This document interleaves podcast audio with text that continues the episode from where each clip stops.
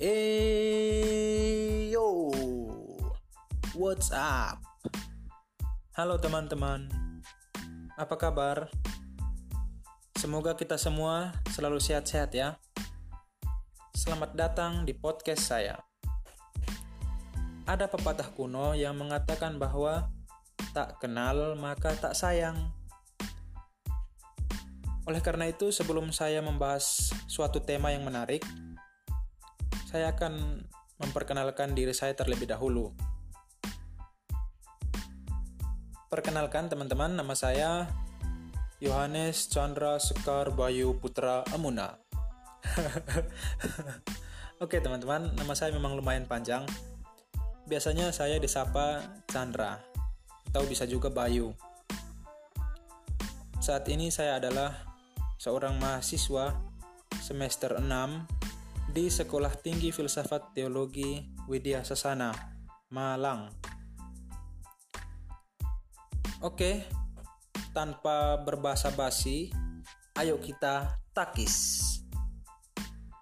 Dalam podcast kali ini, saya akan men-sharingkan pengalaman saya terkait hak asasi manusia atau yang sering kita kenal dengan sebutan HAM. Sebenarnya ini bukan sharing, tapi saya ingin berbagi hasil pendalaman saya tentang materi hak asasi manusia. Semoga pendalaman saya ini bisa berguna bagi teman-teman dalam memaknai hak asasi manusia kita masing-masing.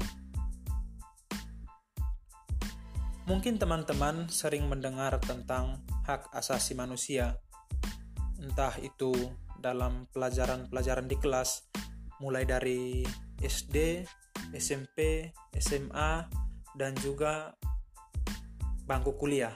Saya rasa kita sering mendengar kata ini ya. Ada juga kita bisa mendengarnya dari media-media sosial ataupun media-media cetak yang sering memberitakan tentang pelanggaran-pelanggaran HAM yang terjadi.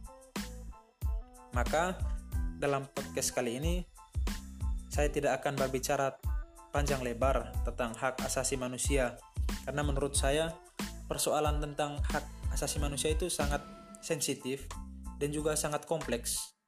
Tidak bisa jika saya hanya meninjau dari satu sudut pandang, tapi harus melibatkan beberapa unsur. Ini sangat berbelit dan juga sangat sulit untuk didalami. Maka saya akan berbagi, sekedar berbagi mengenai pendapat saya tentang hak asasi manusia. Apa sih HAM itu? Apa hakikat dari hak asasi manusia? Dan juga sejak kapan kita-kita ini memiliki hak asasi kita manusia? Atau sejak kapan hak asasi manusia itu melekat dalam diri kita? Apakah sejak lahir atau sejak berapa tahun? Itu akan kita dalami secara bersama. Oleh karena itu, tetap stay dengan saya. Semoga pembahasan ini dapat memuaskan teman-teman. Oke teman-teman, kita mulai. Kita mulai dari melihat dalam konteks dunia modern ya. Dalam konteks dunia zaman sekarang, hak asasi manusia itu bisa digolongkan sebagai hak sipil dan politik yang berkenaan dengan kebebasan kita sebagai seorang warga sipil, seperti hak untuk hidup, hak untuk tidak disiksa, dan juga hak untuk kebebasan berpendapat. Ya di negara kita, negara demokrasi, kita bebas berpendapat dan sebagainya. Ada juga hak ekonomi, hak sosial, dan budaya. Nah, hak-hak itu berkaitan dengan akses kita ke barang publik. Misalnya, hak untuk mendapatkan pendidikan yang layak, hak atas kesehatan, dan juga hak untuk mendapatkan tempat tinggal. Nah, teman-teman, setelah saya melakukan pendalaman materi dan juga telaah di berbagai sumber seperti internet dan juga buku-buku terpercaya yang membahas tentang hak asasi manusia, saya melihat bahwa hampir semuanya dari sumber-sumber yang saya lihat itu mengemukakan bahwa HAM itu adalah hak-hak dasar yang diterima oleh seorang manusia sejak kelahirannya. Hampir semua sumber itu memberikan jawaban yang mirip dan sama. Nah, setelah saya melihat jawaban-jawaban tersebut, saya kemudian berpikir, mulai muncul pertanyaan dalam diri saya. Kalau misalnya hak asasi manusia adalah hak-hak yang diterima oleh seorang manusia sejak ia lahir, bagaimana dengan mereka yang belum lahir, seperti bayi yang ada dalam kandungan atau yang kita sebut sebagai janin. Apakah mereka-mereka itu tidak memiliki HAM? Mereka kan belum lahir. Lantas kalau mereka tidak memiliki hak asasi manusia, apakah mereka bisa digugurkan atau diaborsi? Nah, ini menjadi persoalan yang memang sering dibahas dalam diskusi-diskusi publik. Sejak kapan kita itu disebut sebagai seorang manusia? Kembali lagi ke HAM. Nanti akan selanjutnya akan saya bahas tentang uh, kapan kita dianggap sebagai manusia. Itu akan menjadi persoalan pokok dari pada podcast kali ini. Oke teman-teman, kalau dilihat secara etimologis atau menurut asal kata, hak asasi manusia atau human rights berarti hak-hak mendasar yang dimiliki oleh seorang manusia karena ia adalah manusia. Jadi kita bisa melihat letak perbedaannya daripada uh, kedua pengertian ini. Yang satu tadi menempatkan HAM itu sebagai hak-hak yang kita terima sejak kita lahir. Nah, yang satu di bawah yang ini menempatkan HAM itu sebagai hak-hak yang kita terima karena kita adalah seorang manusia. Menempatkan hak itu dalam hakikat kita sebagai seorang manusia. Dalam konsep ini, kita bisa melihat bahwa hak asasi manusia itu bersifat universal atau terbuka untuk semua orang, untuk semua manusia. Ia berlaku kapan pun, di mana pun, dan kepada siapa pun. Jadi semua manusia itu memiliki hak asasi manusia. Nah, lantas yang menjadi persoalannya itu kapan seseorang itu dianggap sebagai manusia seperti yang sudah saya bahas tadi. Nah, ini kemudian akan menjadi persoalan yang sangat kompleks dan mungkin sampai sekarang tidak bisa dipecahkan karena setiap negara bahkan setiap orang itu memegang paham-paham yang berbeda tentang kapan seseorang itu dianggap sebagai manusia. Dari beberapa sumber yang coba saya telaah, saya menemukan beberapa pendapat tentang kapan seseorang itu dianggap sebagai manusia. Setidaknya itu ada ada lima pandangan berbeda tentang hal ini. Saya akan mencoba menguraikan uh, lima pandangan itu satu persatu So let's enjoy it. Oke. Okay? Di tempat pertama itu ada pandangan Aristoteles. Aristoteles berpandangan bahwa permulaan hidup manusia itu berlangsung secara bertahap. Ia mengambil model tumbuhan untuk menjelaskan proses terbentuknya embrio. Sperma laki-laki dianggap sebagai benih yang ditanam pada rahim perempuan Nah, teman-teman, dalam hal ini rahim perempuan itu adalah media tumbuh bagi benih.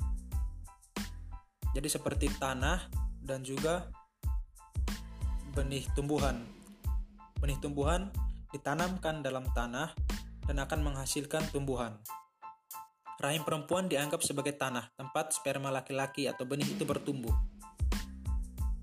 Dalam pandangan Aristoteles, embrio laki-laki itu memperoleh jiwanya pada hari ke-40 sesudah konsepsi dan ditandakan oleh gerak embrio yang dirasakan oleh ibunya di sebelah kanan rahim. Sedangkan embrio perempuan memperoleh jiwanya pada hari ke-90 dan ditandakan oleh gerak embrio di sebelah kiri rahim ibu. Jadi dalam pandangan Aristoteles, seorang laki-laki, seorang laki-laki itu dianggap sebagai manusia ketika ia telah melewati masa 40 hari dalam rahim. Sedangkan perempuan dianggap sebagai manusia ketika ia telah melewati masa 90 hari atau tiga bulan dalam kehamilan dalam kandungan maksud saya, maksud saya. Di tempat yang kedua, ada juga pendapat yang mengatakan bahwa kehidupan manusia itu dimulai sejak enam minggu sesudah konsepsi atau saat perkembangan jaringan neural. Jadi sebelum masa kehamilan enam minggu, ia belum bisa dianggap sebagai manusia. Ada juga negara-negara yang e, menganut paham seperti ini. Nanti akan kita bahas dalam pembahasan selanjutnya. Di tempat yang ketiga, ada yang mengatakan bahwa kehidupan manusia itu dimulai sejak proses nidasi selesai atau dua minggu setelah konsepsi. Nah, tempat yang keempat mengatakan bahwa kehidupan manusia dimulai sejak embrio sudah menjadi viabel atau mampu hidup di luar rahim ibunya. Sebelum ia mampu hidup di luar rahim ibunya, ia bukan manusia. Sungguh memilukan teman-teman pendapat seperti ini. Dan mungkin untuk kita dalam konteks Indonesia tidak bisa diterima ya pendapat seperti ini. Karena menggunakan tahap-tahap dan juga ini memberikan celah bagi kasus-kasus aborsi. Nah, menurut saya teman-teman, pandangan-pandangan seperti ini merupakan cikal bakal dari legalnya kasus aborsi atau pengguguran janin. Tentunya ada beberapa syarat tertentu yang harus ditaati seperti harus ada persetujuan dari sang ibu ataupun pihak keluarga. Nah, kasus-kasus seperti itu sebenarnya ada di beberapa negara. Salah satunya itu di Singapura. Nah, di negara Singapura itu mereka melegalkan aborsi dengan usia janin di bawah 24 minggu. Jadi sebelum 24 minggu si janin masih bisa diaborsi. Di Rusia itu ada 12 minggu. Bahkan di Perancis 10 minggu. Masih sangat kecil ya untuk dibunuh. Sangat memilukan memang. Dan ada juga beberapa negara lainnya yang tidak bisa saya sebutkan satu persatu karena memang ada banyak negara yang melegalkan aborsi dengan persoalan-persoalan seperti yang sudah saya uraikan di atas.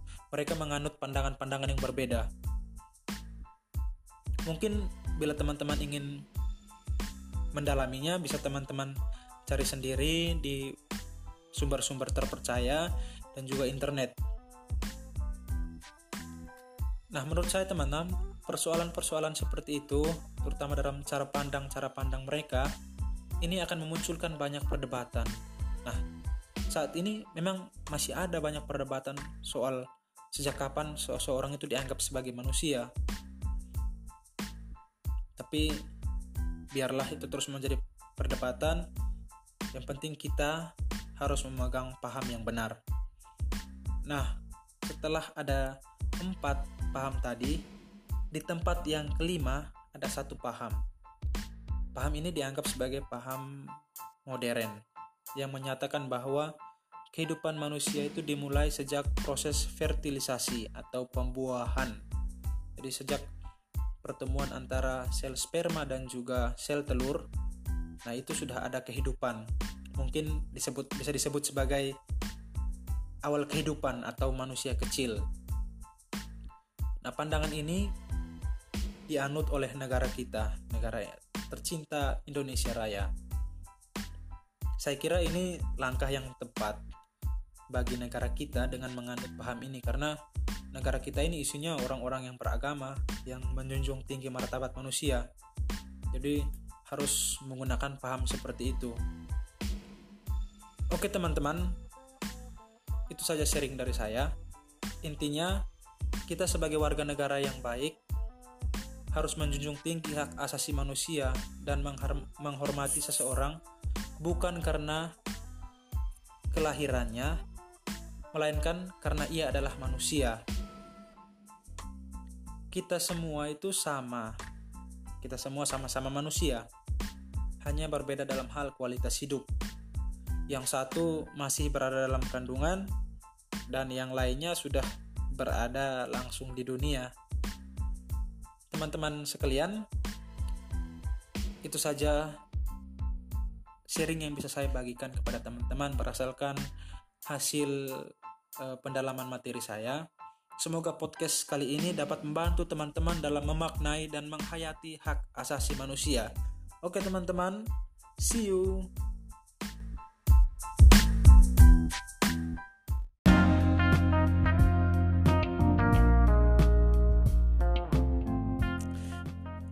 Halo guys, selamat pagi untuk anda semua, salam sejahtera.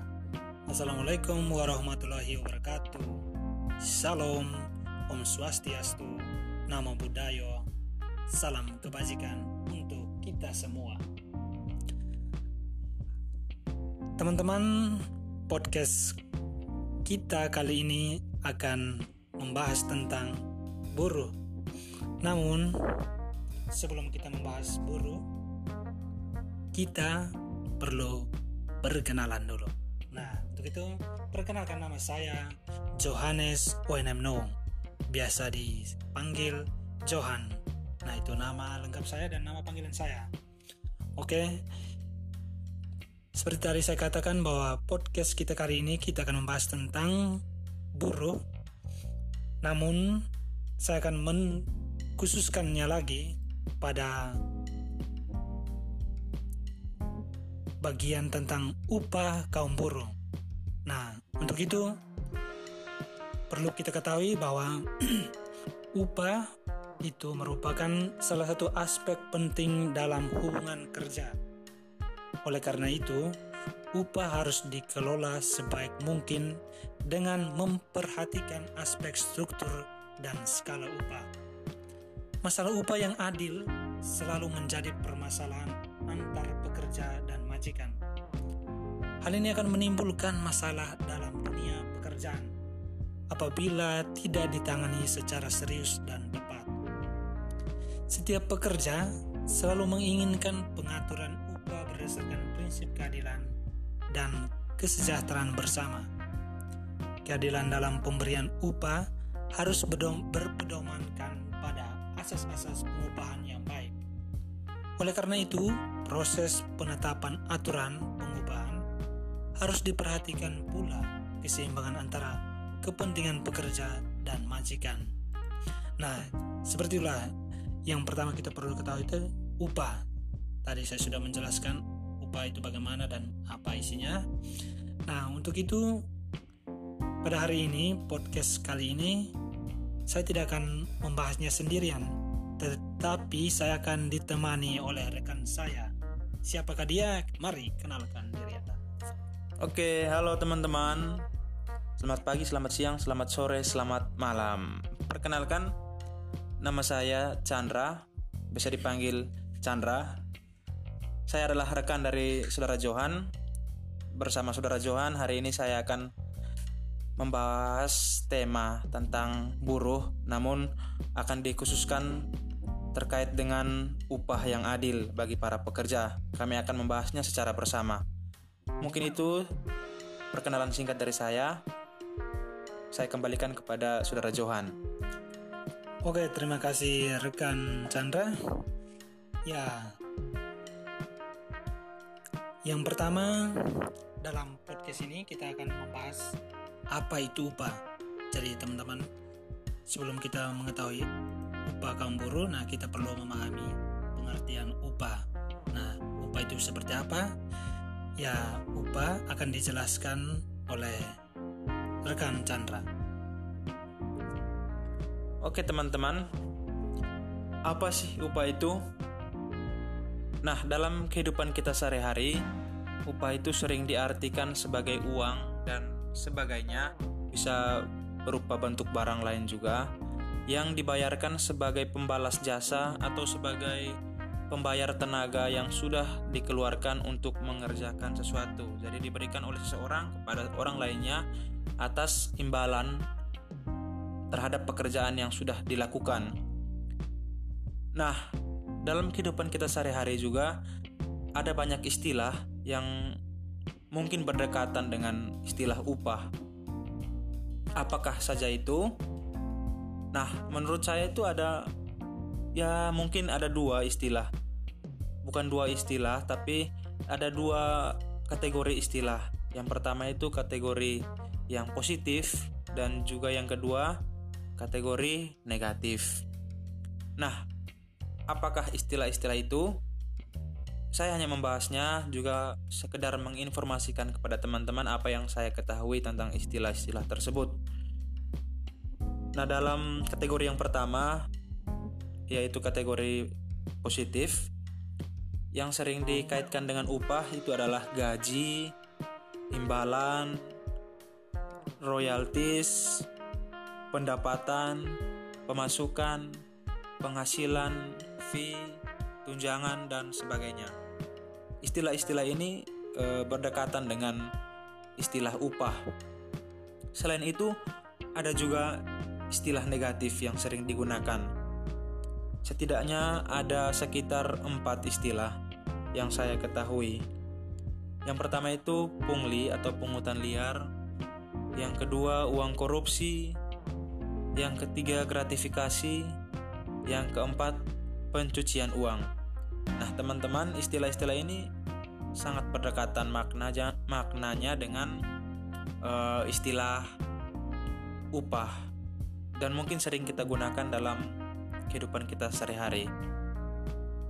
Mungkin saudara Johan itu saja dari saya tentang uh, apa itu upah. Apakah selanjutnya bisa saya yang bertanya? Oke, boleh. Kita kan rekan, jadi bisa kerjasama. Mari, monggo. Oke, sip. Sekarang saya yang akan bertanya. Nah, teman-teman, tadi kita sudah mengenal apa itu upah, sebagai imbalan dan sebagainya dan juga istilah-istilah yang sering kita gunakan.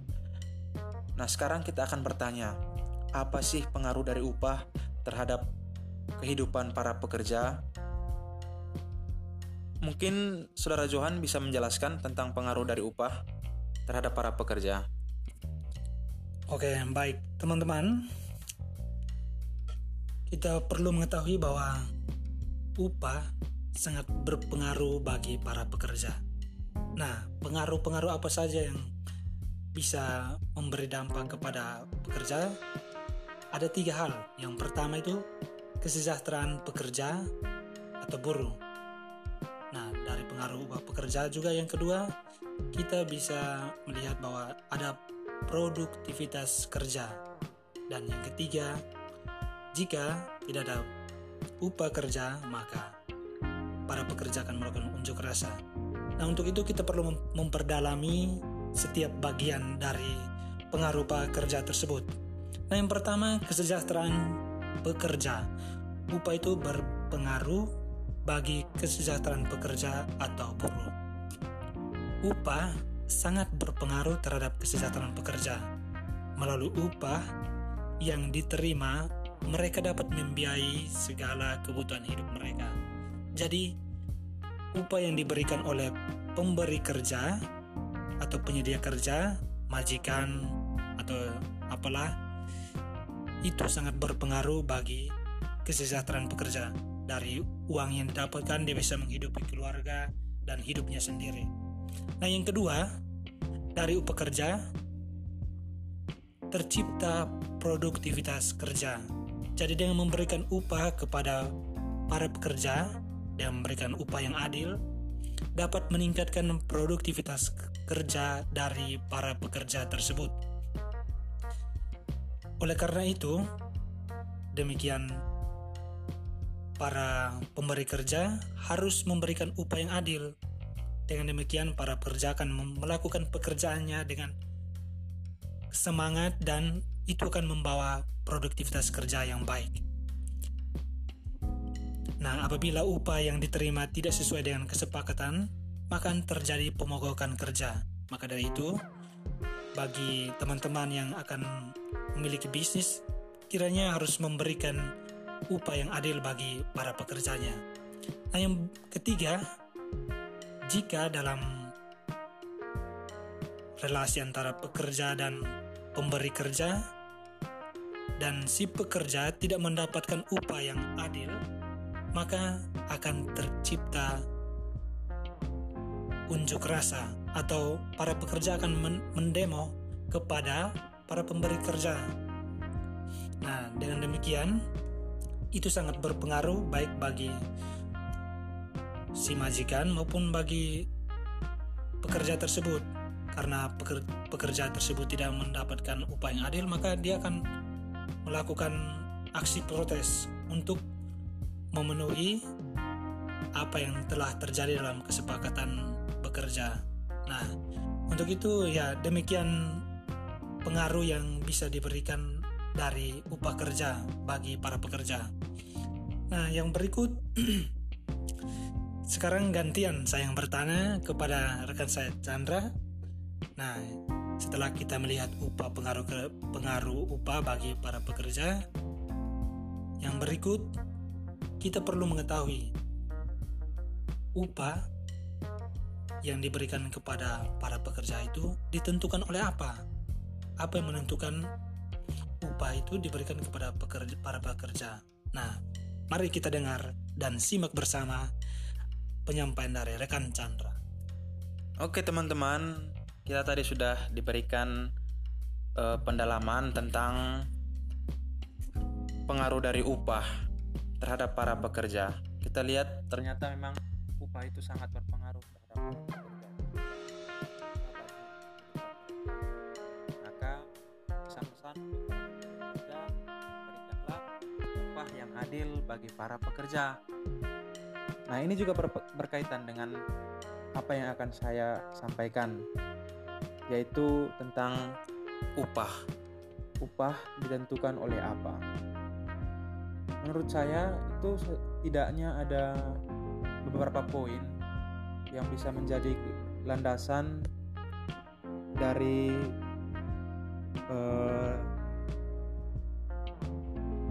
kesepakatan-kesepakatan yang dijalankan antara majikan dan juga para pekerja.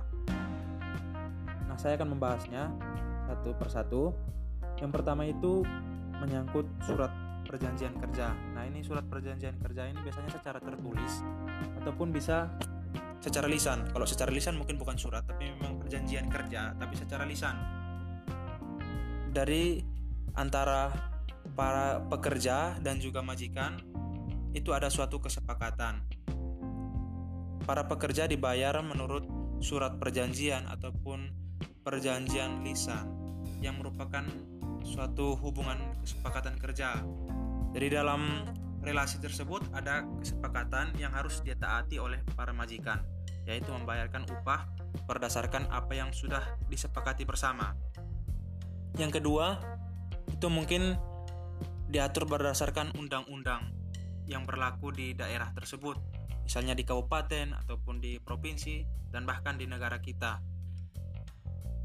Upah yang diterima oleh para pekerja tidak boleh lebih rendah dari ketentuan yang sudah ditetapkan dalam peraturan perundang-undangan.